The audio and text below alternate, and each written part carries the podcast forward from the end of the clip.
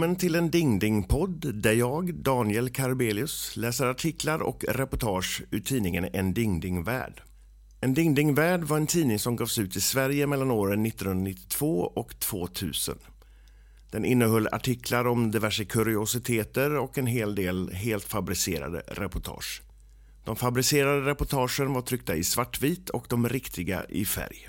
Jag väljer ut några artiklar och reportage per avsnitt helt baserat på rubriken och läser dem för första gången i podden. Ja, då har det blivit dags för avsnitt nummer tre av en Ding Ding-podd. Vi kör nummer åtta från 1994, pris 21 kronor. Lex Parnish tröttnade på alla fejkade rymdmonster. En film med äkta utomjordingar. Lex Parnish nya film The Immigrants det blir den mest realistiska science fiction-filmen som någonsin gjorts. Huvudrollerna spelas nämligen av tvättäkta utomjordingar. Filmregissören Lex Parnish är känd för sina realistiska filmer och använder sig alltid av äkta vara när han filmar. Och Det gäller även hans senaste projekt, rymdfilmen The Immigrants. Den är snart färdiginspelad och kommer släppas på biograferna i december i år. Jag tröttnar på att se filmer där människor sminkats och klätts ut till utomjordingar, säger den kontroversiella filmregissören. Istället åkte Lex Parnish iväg till ett område i New Mexico där invånarna påstår att de ser rymdskepp hundratals gånger per år. Jag vill träffa några av dem, lära dem att agera och övertala dem att vara med i min film. Jag tänker inte avslöja hur jag fick kontakt med utomjordingarna, men de var villiga att samarbeta med mig för de var också angelägna om att min berättelse skulle filmas och visas på biograferna. Därför är skådespelarna i min film äkta utomjordingar och inga uppsminkade utklädda människor. Filmen, som skrivits och regisserats av Lex Parnish, berättar den hjärtskärande historien om en utomjordisk familj som landar på jorden med sitt rymdskepp. Sympatierna ligger onekligen på utomjordingarnas sida, säger pressagenten Steve Lagworth som övervakar projektet. Filminspelningen är mycket hemlig och inga utomstående släpps in på området. Till och med luncherna lämnas vid grindarna. Det är inga normala luncher, avslöjar cateringfirman. En typisk lunch kan inkludera 30 liter fotogen, 11 tegelstenar 15 burkar latexfärg och 12 blyrör. Fråga mig... Fråga mig inte vad de gör med den märkliga blandningen. En skådespelare som har en mindre roll i filmen avslöjar att utomjordingarna är hyfsade skådespelare. Ja, det var bra. De är bara lite oförutsägbara.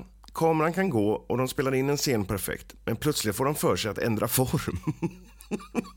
Från en solid kropp till en geléaktig massa och börjar pladdra en massa rappakalja istället för att säga sina repliker.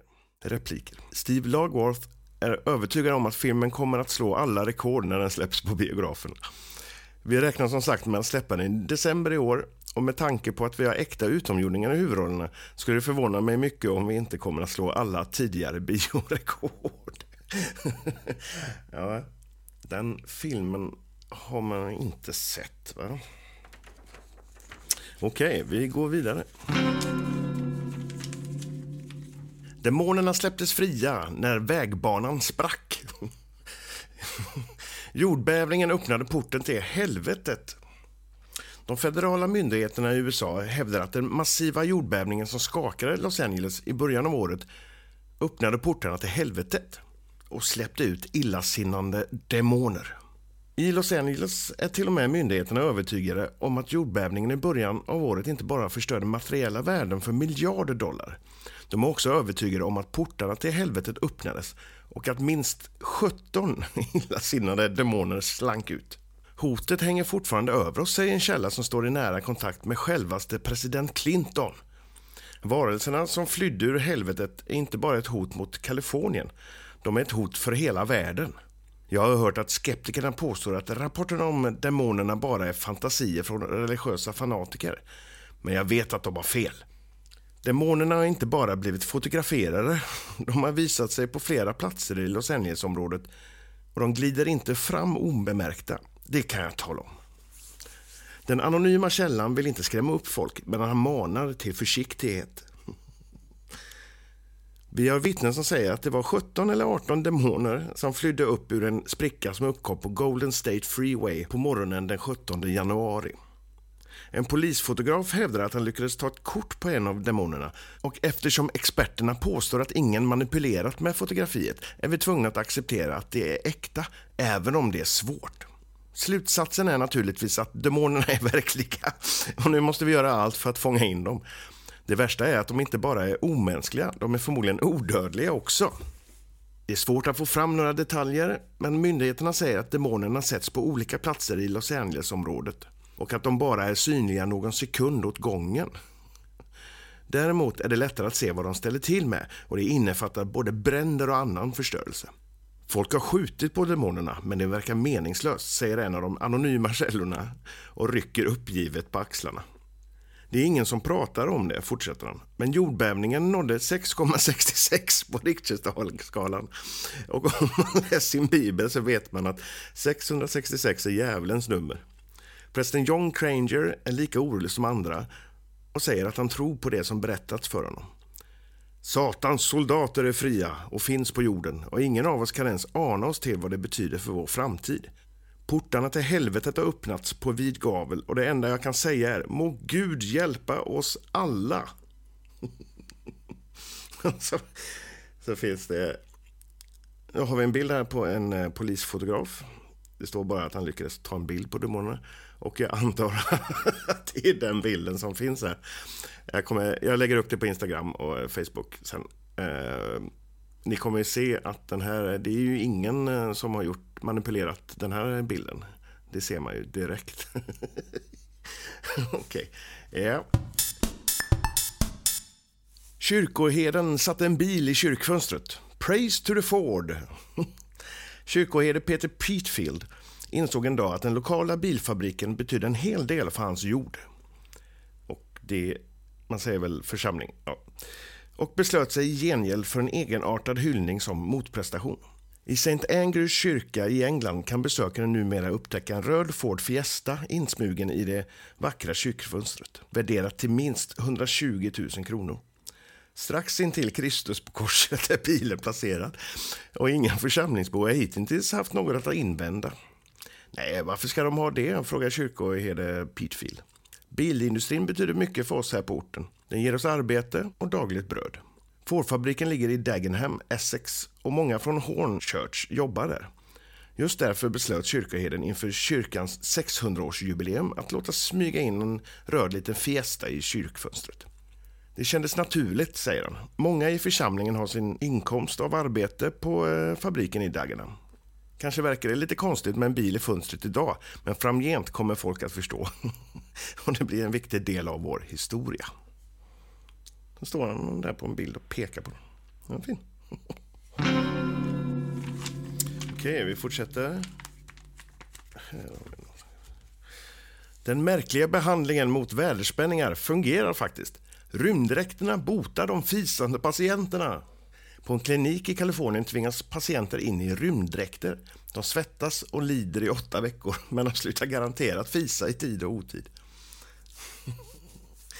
I Los Angeles strömmar patienterna till The Dawson Clinic for Gastric Disorders där läkarna är experter på att få folk att sluta fisa. Och detta trots att patienterna vet att de kommer att spärras in i ballongliknande rymddräkter 18 timmar om dagen och tvingas andas in sina egna avgaser. Fem miljoner amerikaner har problem med magen och lider av kroniska väderspänningar, säger Cecilia Jensen på kliniken. Det är självklart att detta är genant och påverkar både deras privatliv och deras karriärer. Många av våra patienter har förlorat sina jobb, sina familjer, sina familjer, sina vänner och allt annat som är viktigt för dem. Bara för att ingen vill vara i närheten av dem. Flera av dem ser oss som sista utvägen och är nära att begå självmord när de kommer in. Vi kan skratta åt folk som släpper sig av misstag, men våra patienter skrattar inte, oavsett vad resten av mänskligheten tycker. På kliniken behandlas patienterna genom att man spärrar in dem i stora rymddräkter. Patienten kan med andra ord inte undkomma sina egna avgaser. Det är ungefär samma typ av psykologiska behandling som man använder på kliniker där man eh, behandlar patienter för mat och alkoholrubbningar, säger Cecilia Jensen. Ibland blir det säkert otroligt jobbigt att ha dräkterna på sig. Men när behandlingen är slut har merparten av patienterna slutat släppa väder. Om man undantar några frivilliga fisar då och då. Kliniken påstår att de har lyckats bota inte mindre än 96 procent av eh, de 6 123 patienter som passerat genom dörrarna sedan kliniken öppnades i juni 1993. Men behandlingen är inte gratis. Åtta veckors lidande i rymddräkt kostar drygt 100 000 kronor. I priset ingår förstås samtliga måltider. ja, helpension, säger Cecilia Jensen. Och glöm inte att våra patienter inte äter billig mat, som till exempel bönor. Advokaten Patrick C har genomgått behandlingen och säger att han tycker kuren vore billig om den så kostar det dubbelt så mycket. Jag förlorade ett arbete som skulle gett mig en inkomst på drygt 900 000 kronor om året bara för att jag inte kunde låta bli att fjärta på kontoret i domstolen. Ja, vart jag än gick, säger han. Dessutom tog min fru ut skilsmässa eftersom hon inte stod ut med mina väderspänningar som både förstörde våra måltider och vårt sexliv. Men nu har jag fått tillbaka min fru, mitt jobb, ja faktiskt hela mitt liv. Det är helt enkelt en obeskrivligt trevlig känsla att folk inte längre håller för näsan eller vänder sig bort när de är i närheten av mig. Ja. 98 procent lyckade väl. Ja, det var gött. En ny slags rysk roulette har blivit populär i Tyskland. Självmordsbiljard. Välj fel klot och du flyger i luften. Spänningssökare i Tyskland har börjat spela en ny version av biljard där ett av kloten är preparerat med sprängämnen och exploderar när tiden är inne och man träffar det med sin kö.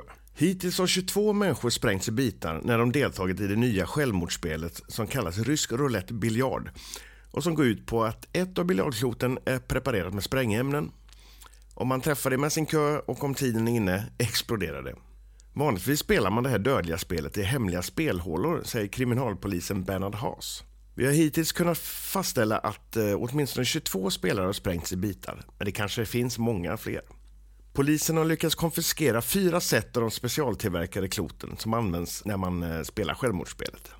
De upptäckte att ett klot i varje set var utrustat med en slags tidsinställd sprängladdning som aktiverades så snart klotet träffades av kön första gången. Tydligen gillar folk att spela det här spelet trots att de vet att de spelar med livet som insats, säger Haas.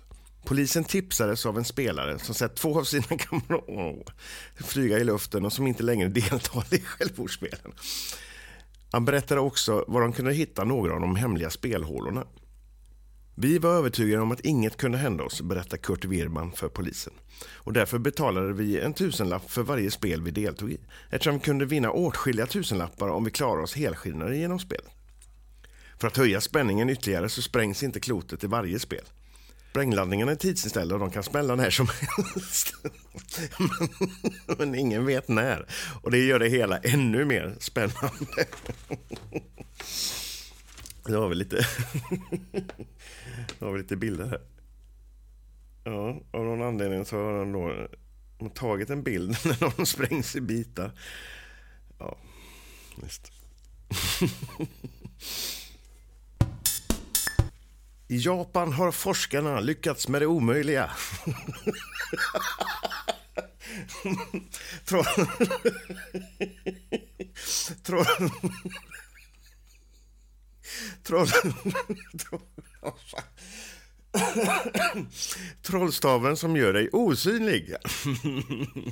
Det är fina. det är en bild på trollstaven här och det är ju ett kikara, kikarsikte. Herrejävlar... Och så är det, ja, Okay. Japanerna är inte bara duktiga på att göra bilar, kameror och datorer. Nu har de också lyckats tillverka en trollstav som gör dig osynlig. Människor har länge drömt om att kunna göra sig osynlig och i böcker och filmer har vi ofta fått följa de spännande berättelserna om osynliga mannen. Och precis som Jules Vernes förutsägelser om månlandningar och djuphavsdykningar så har även den här infriats. Japanerna har nämligen lyckats tillverka en lustig liten mojäng som gör dig osynlig. Nu kan drömmen om att bli osynlig bli verklighet för alla, säger uppfinnaren Takeshi Koyama. I närmare två år arbetade han för att göra sin lilla märkliga osynlighetsmojäng perfekt och han kallade den molecul Molecular Diversion Cloaking Wand. Han säger att hans trollstav arbetar med en mycket komplex princip som innebär att man förändrar atomernas rörelse i kroppens molekylära sammansättning för att få fram en illusion som det mänskliga ögat inte kan uppfatta. Det är en helt smärtfri procedur, försäkrar Takeshi Koyama. Man riktar bara staven mot sin kropp och aktiverar den. Inom loppet av några sekunder börjar man försvinna. Naturligtvis är uppfinnaren mycket stolt över sin fantastiska osynlighetsstav och påpekar flera gånger att den har ett otroligt brett användningsområde. Visst kan man använda den om man vill ta sig in på ställen dit man inte har tillåtelse att gå, säger han. Men det viktigaste är att till exempel våra poliser kan bevaka och skydda vårt samhälle utan att upptäckas. Och skulle du befinna dig i ett farligt område i staden så kan du göra dig själv osynlig och ta dig därifrån utan att någon får syn på dig. Takeshi Koyama hoppas att folk inte kommer att använda hans uppfinning för illegala aktiviteter. Han har precis också föreslagit att man kan göra det är mycket lätt att stjäla något om man är osynlig, säger han. Men priset avskräcker nog småtjuvarna. Han berättar att priset på en trollstav kommer att ligga på drygt 500 000 kronor när de först kommer ut. Kostnaden är hög i början, men när stavarna börjar massproduceras sjunker naturligtvis priset och förmodligen kommer de inte kosta mer än en video om några år. Gissar Takeshi Koyama. För jämförelse. Då har vi tre bilder här. Tim Skelly aktiverar osynlighetsstaven, Så är det en kille här som står med, med kikarsiktet. Han riktar, sig, riktar staven mot sig och börjar försvinna. Inom några sekunder är Tim försvunnen och det enda som syns är staven.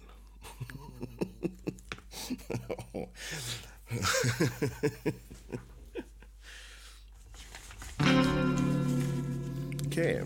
vi går vidare i tidningen. Ska vi se.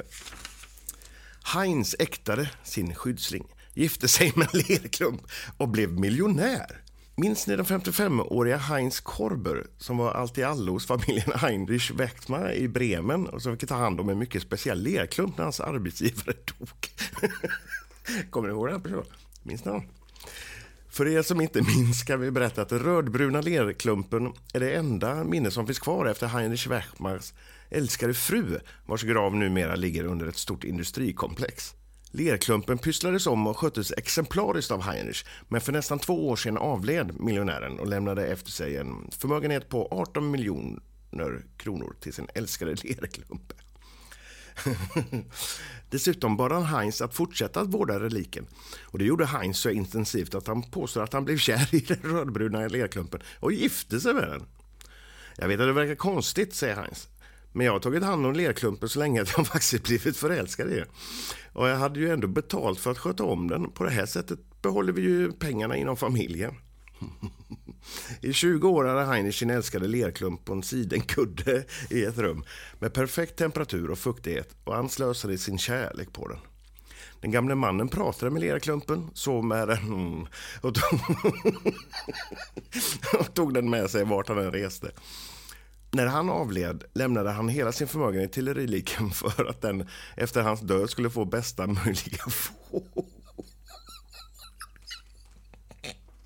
Herr, herr kärlek till lerklumpen smittade av sig, säger Heinz. Jag upptäckte att jag brydde mig mer och mer om vad som skulle hända med den och när mina arbetsgivare dog blev mina känslor starkare. För några månader sedan bestämde jag mig för att göra vårt förhållande officiellt. Jag visste att herr Wechmachs släktingar planerade att bestrida testamentet och därför ansåg jag att ett äktenskap skulle vara det bästa för att skydda den älskade lerklumpen. Henrich Warsmers eh, släktingar säger att han bara pratar goja när han påstår att han älskar lerklumpen och att han bara är ute efter miljonerna. Han är en kalkylerande giribuk, säger Wechmars eh, kusin Klaus Stoltenberg. Han, han bryr sig inte ett dyft om den där smutsiga lerklumpen. Det är pengarna han vill åt. Och så har vi en bild på... Ja, stilig karl. Heinz Kåbe blev mångmiljonär på några minuter genom att gå till altaret och gifta sig med en förmögen lerklump. Då står det Heinz Kåbe visar stolt upp sin nyblivna hustru. Då har han en lerklump på en kudde. Ja, Okej, vi tar en sista för det här avsnittet. Shirley är vår nya Einstein. Hon har tre hjärnor och ett IQ på 386. För några år sedan drabbades 21-åriga Shirley Germain av huvudvärk. Verken var envis och gav inte med sig. Så småningom sökte hon läkare och vid en ren rutinkontroll upptäckte läkaren att Shirley var unik. Hon har nämligen tre hjärnor. På, på röntgenbilderna syns tydligt att Shirley har tre perfekt formade och dessutom fungerande hjärnor, säger Shirleys läkare. Jag har aldrig hört talas om ett liknande fall och därför är det mycket spännande. Shirley har aldrig utnyttjat sina tre hjärnor till fullo. Hon växte upp i Tennessee. Hon slutade skolan redan efter högstadiet, trots att hon hade lätt för sig. För fyra år sedan flyttade hon tillsammans med sina föräldrar till Chicago och har sedan dess arbetat som affärsbiträde i ett konditori. Varken Shirley eller hennes föräldrar hade en aning om att Shirley hade tre hjärnor förrän hon röntgades.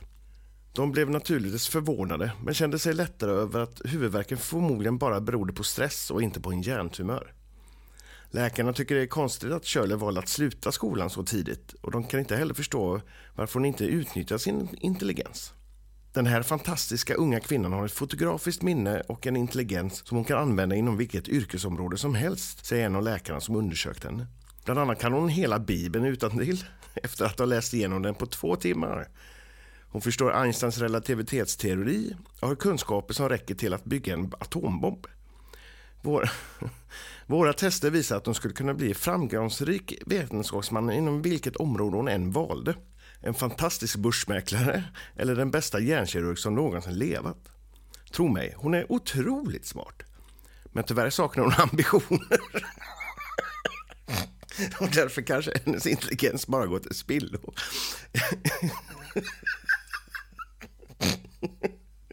Jag är trött på att prata om min intelligens och mina tre hjärnor, säger Shirley själv.